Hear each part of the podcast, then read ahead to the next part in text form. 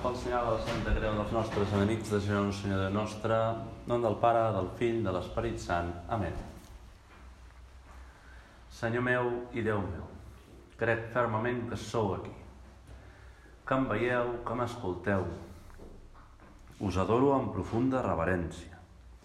Us demano perdó dels meus pecats i gràcia per fer fruit aquesta estona d'oració. Mare meva Immaculada, Sant Josep, Pare i Senyor meu, àngel de la meva guarda, intercediu per mi.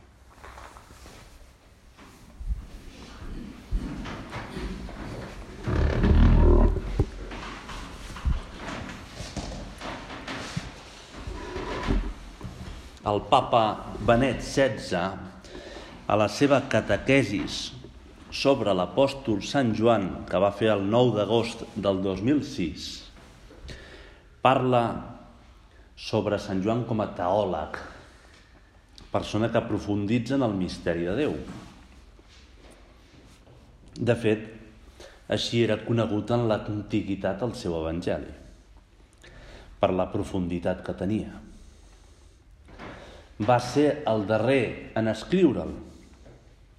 Tenia al davant l'Evangeli de Marc, el de Lluc i el de Mateu.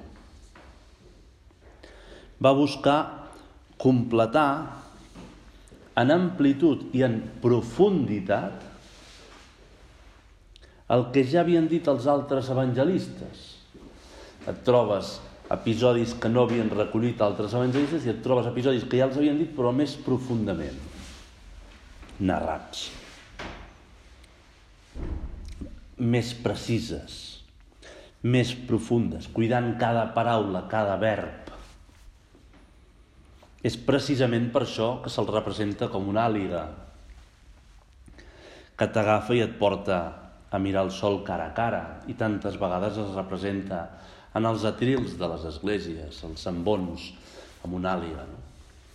Aquesta paraula de Sant Joan t'aixeca, et porta al cel, a mirar Déu cara a cara. s'ha d'estar molt atent quan llegim l'Evangeli de Sant Joan. Hem de tenir en compte una cosa, i és que el camí dels apòstols com amics de Jesús no és només un camí exterior, tres anys acompanyant-lo les 24 hores del dia. de Galilea a Jerusalem durant tres anys, sinó més important és un camí interior, on van aprendre a conèixer Jesús, tenir fe en ell, estimar-lo. També nosaltres, com a persones cridades a estar amb Jesús, no només hem d'estar amb Jesús físicament, exteriorment, en l'oració, sinó també és un camí interior, són el nostre model, els apòstols.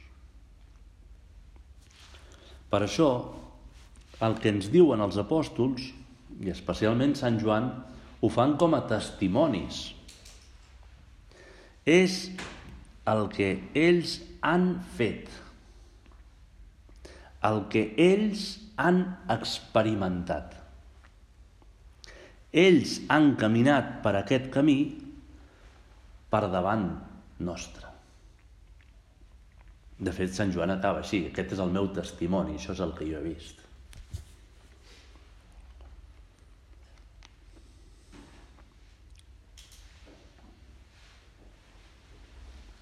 El papa Benet XVI explica que la motivació per la seva primera encíclica, que és una obra mestra, Deus Caritas Est, Déu és amor, és precisament el principal tema de Sant Joan. Déu és amor. L'amor. L'amor amb majúscules. Però vist el papa, el papa Benet XVI, diu no és un tractat teòric, no és una elaboració teo teòrica distanciada de la realitat, especulativa, sinó que és eminentment pràctica i propera, que hem de fer vida. I jo volia en aquesta meditació davant del Senyor, seguir les paraules de Sant Joan explicades pel papa. Per aprofundir de la mà de Sant Joan, de la mà del papa Benet, Benet XVI, en la l'amor esponsalici. L'amor a Déu a través de la dona i la dona a través de l'home. El vostre camí per estimar Jesús, el vostre camí per la santitat és la vostra dona, cadascú la seva, no la de l'altre. El camí de la santedat. I és una frase que diu que és molt forta, eh? El vostre camí és la vostra dona. I explica el papa, amb una miqueta de profunditat, aquest amor en tres moments, com tres estadis. Primer parla de la font mateixa de l'amor. I diu, Déu és amor. Aquesta és l'arrel divina. O sigui, dir amor és dir Déu. No és només dir Déu ens estima, sinó el que Déu és, és amor. L'arrel, el cert més profund de Déu, el nucli absolut. Tenim una ceba, el nucli més nucli és Déu és amor l'element essencial constitutiu de Déu és l'amor. Per això, tota activitat que Déu fa neix de l'amor. Per això és completament absurd un Déu que castiga, un Déu que, que mata, un Déu que...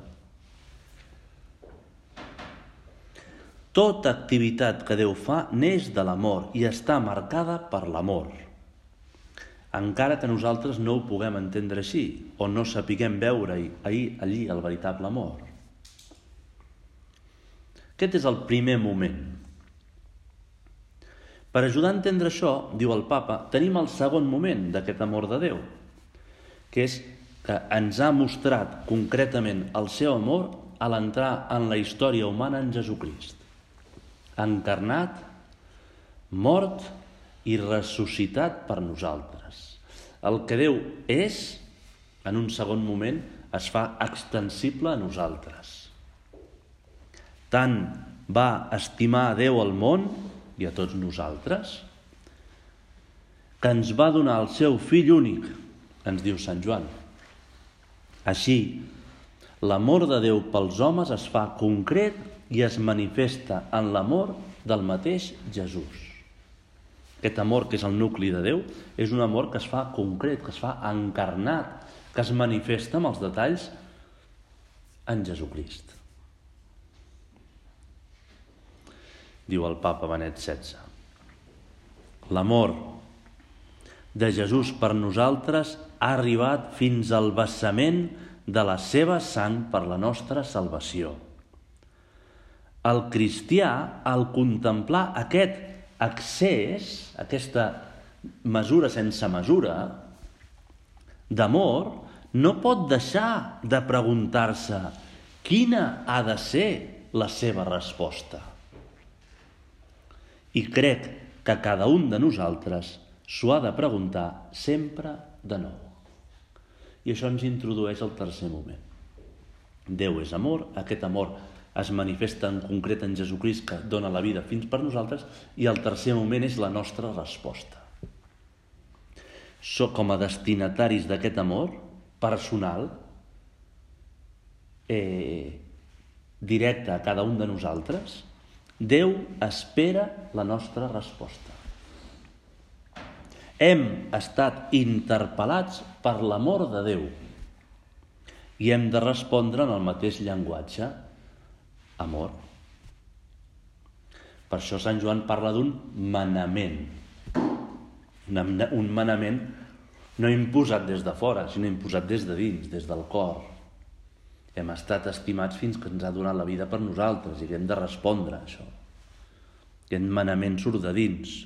Us dono un manament nou que us estimeu els uns als altres com jo us he estimat. Així us heu d'estimar els uns als altres. Fixeu-vos, eh? Que l'Antic Testament es deia estima els altres com a tu mateix. Ara puja un esglaó o, o un esglaó infinit. Estima els altres com jo us he estimat. Estima els altres com jo us he estimat. És una mesura molt diferent. I aquesta és la novetat de Jesús és desproporcionada, és inabarcable. Només amb aquesta mesura l'amor resulta de veritat cristià, perquè és Crist el que el dona. Es dirigeix a tots sense distincions, arriba fins a les darreres conseqüències, doncs no té una altra mesura que el don el de no tenir mesura.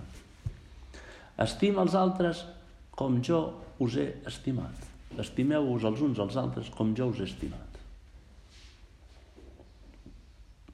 Recordo una pregunta que els hi feia un mossèn a una parella jove que es volia casar. Potser en aquest cas ja vivien junts, els hi passa molta gent avui en dia. El, el mossèn els hi va preguntar, el matrimoni us dona ales o us les treu. Aquest compromís de viure totalment volcat per l'altre et dona ales o te les treu? Ho veus com una limitació a la teva llibertat? O ho veus com una expressió de la teva llibertat que et fa més bé, que et fa més bo, que, que et dona felicitat? El matrimoni us dona ales o us les treu, o us les treu, o us les talla. Diu que el mossèn aquest explicava que es van quedar pensatius, però molt pensatius. I el noi no s'atrevia a respondre. I al final la noia va contestar. Ens les hauria de donar, oi? Va dir. Ens les hauria de donar. Nosaltres, després d'escoltar aquesta exposició de l'amor en tres moments que fa el papa Benet XVI, podem pensar en aquest primer punt. Si Déu és amor, si l'essència més profunda teva, Senyor, és l'amor, quina és la meva essència més profunda? Què és el que jo vull per mi? Què és el que jo haig de cultivar en el meu interior? Perquè si l'amor no em dóna ales, és perquè la meva arrel més profunda, el que jo vull, és ser feliç de manera egoista, sense limitacions, sense compromisos, de manera, de manera materialista, podríem dir, de manera adonista. Llavors veig l'entrega, el servei com una limitació. La teva dona et dona ales o te les treu? Igual li podríem dir la dona, eh? el teu marit et dona ales o te les treu? El matrimoni et limita? Acceptes interiorment una actitud victimista, de queixa, de comparació? Què és, quina és la teva identitat més profunda? Vols ser amor, com és Déu amor?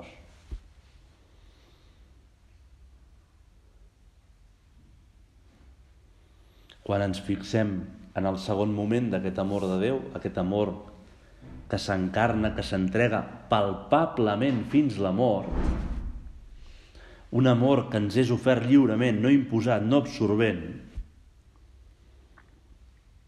podem sentir una frase que diu un autor espiritual, un mossèn de, de Madrid, de Pozuelo, Jesús Higueras. Diu, el començament i el fonament de l'amor és respectar.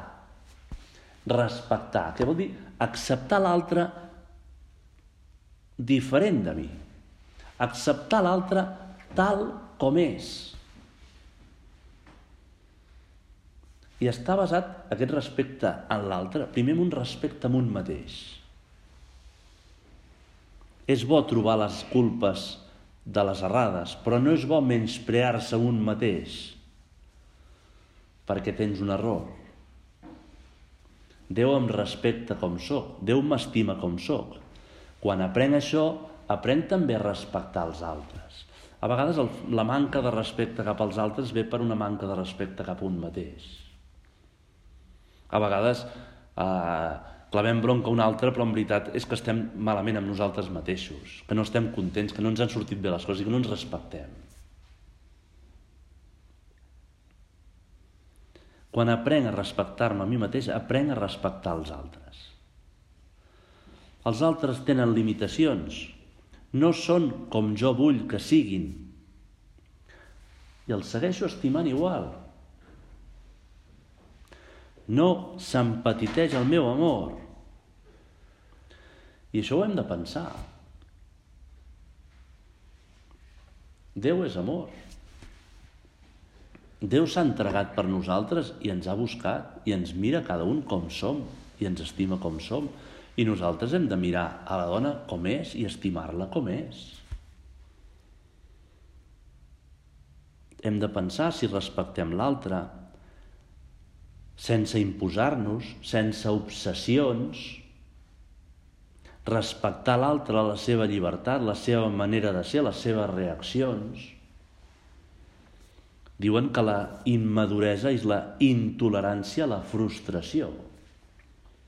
I avui en dia hi ha intolerància a tot. Intolerància al gluten, intolerància al sucre, intolerància als polítics, intolerància a moltes coses. Les persones som immadures quan la frustració ens amarga interiorment. Tolerància a la frustració. Dius, mira, dius, no ha sortit tot com tu volies, no pensa igual que tu, no sé què, no et frustris, no, no, no, no et quedis allà, no? Intolerància a la frustració. No passa res. Quan es produeix aquest no als meus plans, aquest no a les meves expectatives, s'ha d'anar molt en compte amb les expectatives. Ara arribaré a casa m'asseuré a veure la pel·lícula Rambo. I no, no, són risses i làgrimes. O Toy Story, o La Sirenita. Re de Rambo. Les meves expectatives. Els conflictes d'interessos a que la dona no pensi com jo, que vegi les coses diferents. Les diferències poden produir dos tipus d'efectes. Em poses nerviós, em caus malament, no t'aguanto. O poden produir un creixement en l'amor. T'estimo, per això et respecto com ets. T'estimo i t'abraço com ets és com do, els dos tipus d'amor. L'amor egoista, que intenta assimilar l'altre a un mateix, a la, seva manera, a la meva manera de ser, i l'amor que es dona, l'amor que accepta l'altre com és. T'estimo com ets. Per això et respecto com ets. No m'imposo, no t'absorbeixo, no t'aixafo, no et posseixo, en el sentit de domini, eh? I és bo que ens parem a pensar una mica. Estem en un recés, un moment d'intimitat especial amb Déu. Déu és amor, l'essència més... I a casa hem de ser amor. Com gestiono les diferències de casa? Perquè hi han diferències. Perquè un és un home i l'altre és una dona. Tenim sistemes eh, morfològics eh, de pensament diferent.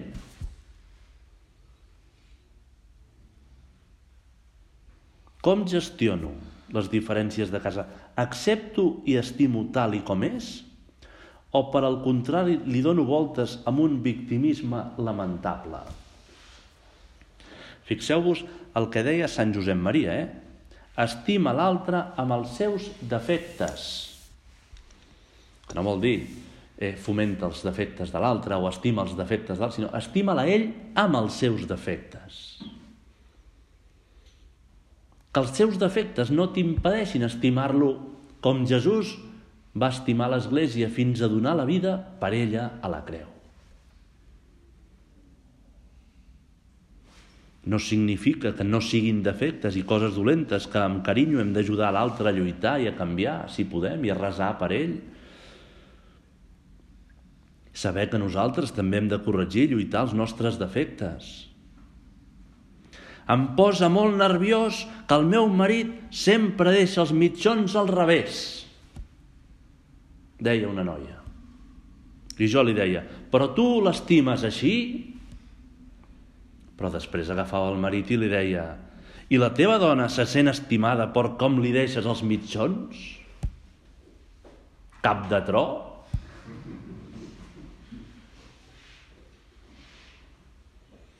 Si som persones, Jesús, que tenim interioritat, que fem oració, és molt fàcil veure el que no li agrada.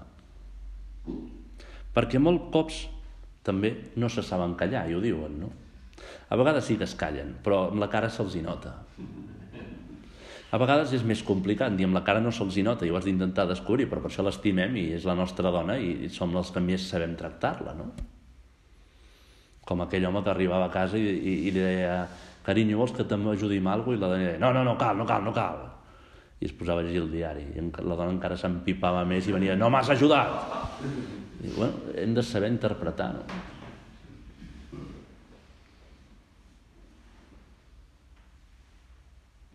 Si, estàs atent, si estem atents, ho veiem. El que es diu la cara de pomes agres, no? No cal ser Sherlock Holmes per adonar-se, no? Algo no va bé aquí, algo no va bé.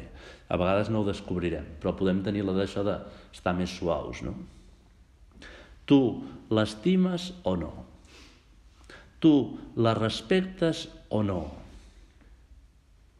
Hi ha gent que projecta a la seva dona com voldríem que fos. Voldria que fos com la meva mare. Voldria que fes que fos com aquesta dona, com la Clàudia Schiffer. I té una constant frustració, perquè no és així. Hi ha una immaduresa amb això, eh, en projectar. Hi ha gent que li passa, projecta a la seva mare amb la seva dona. I això no és respectar l'altre com és, sinó una imposició. Fins que no faci les croquetes, tornem a les croquetes, eh? Fins que no faci les croquetes com la meva mare, li retrauré. Directament o se'm notarà la cara. Mmm, croquetes. La teva dona no és la teva mare, ni la Clàudia Schiffer, ni la teva projecció perfeccionista. La teva dona és la teva dona, concreta, estimada per Déu, val tota la sang de Crist, és perfecta, és, és immillorable, és la que Déu t'ha posat com a camí de santedat. És la que Déu ha volgut al teu costat perquè l'estimis. Els defectes que té és molt possible que Déu els hagi pensat perquè tu milloris. Les coses que passen i que et diu un dia que injustes, és molt possible que Déu les hagi pensat per tu, perquè tu aquell dia siguis més sobrenatural. Això és fe. Això és el matrimoni. La teva dona concreta, tal i com és. I per ella, tu has de morir a la creu. Fins a l'extrem. El tercer moment que ens deia el papa és aquest accés de l'amor de Déu. La mesura és Jesucrist. Estima els altres com a tu mateix. No, estima els altres com jo us he estimat.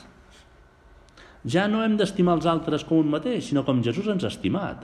O sigui, absolutament desproporcionat. Infinit. I hem d'aturar tot pensament de queixa, de comparació, de lamentació, perquè va en direcció contrària a això. Com un boig que va per l'autopista en direcció contrària i dius, què fa aquest boig? Igual, quan pensem eh, amb el que ella no em dona, amb el que, amb el que anem en direcció contrària a l'amor que hem dit en el sacrament del matrimoni. Volem un amor en sortida, volem un amor cap en fora, volem donar-nos, no volem estar mirant si ens compensa, si ens retornen el que donem. Hem de tallar els pensaments de queixa, de frustració, de lamentació. Aquest tercer moment que ens deia el papa és aquest accés d'amor de Déu. Estimar així sembla impossible. Estimar així és impossible si no tenim la gràcia de Déu que la tenim a través del sacrament del matrimoni, camí de santificació. Per això Déu ha volgut fer un sacrament. Això que tu no pots, igual que el pa es converteix en el cos de Crist, aquest amor es converteix en amor capaç de la donació fins aquí, que et fa espectacular, que és meravellós, i que ho veu a la gent i diuen però com m'agradaria estimar així?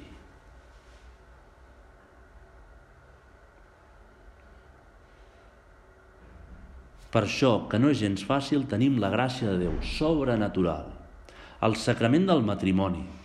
I després, la gràcia de l'Eucaristia. A cada Eucaristia estem dient sí, t'estimo la nostra dona. És el sacrament de la comunió, ens unim a Déu, ens unim a la dona. Hi ha un vincle entre l'Eucaristia i el matrimoni. L'Eucaristia diu que sí, morint a la creu. Jo dic que sí, combregant també morint a la creu, però amb la meva situació d'amor a una persona. La gràcia de l'Eucaristia, la força de la confessió, l'ajuda de l'oració personal, la gràcia de Déu.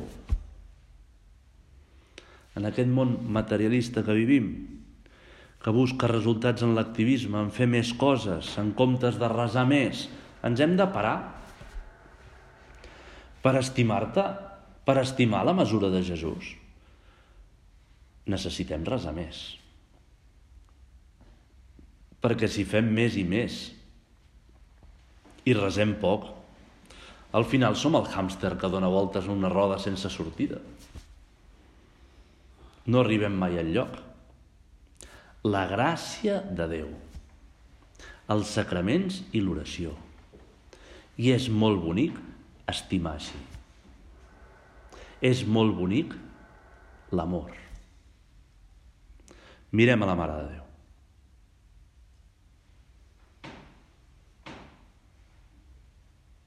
Com ella va estar fins al peu de la creu, acompanyant el seu fill. Com ella es va fer Eucaristia fins al final. Nosaltres també volem estimar fins al final nosaltres també volem ser capaços de pujar fins al peu de la creu, de l'entrega, de desviure'ns per la dona, d'estimar sense frustracions, sense comparacions, sense victimismes. Ens agafem fora de la Mare de Déu perquè sabem que així podrem arribar-hi.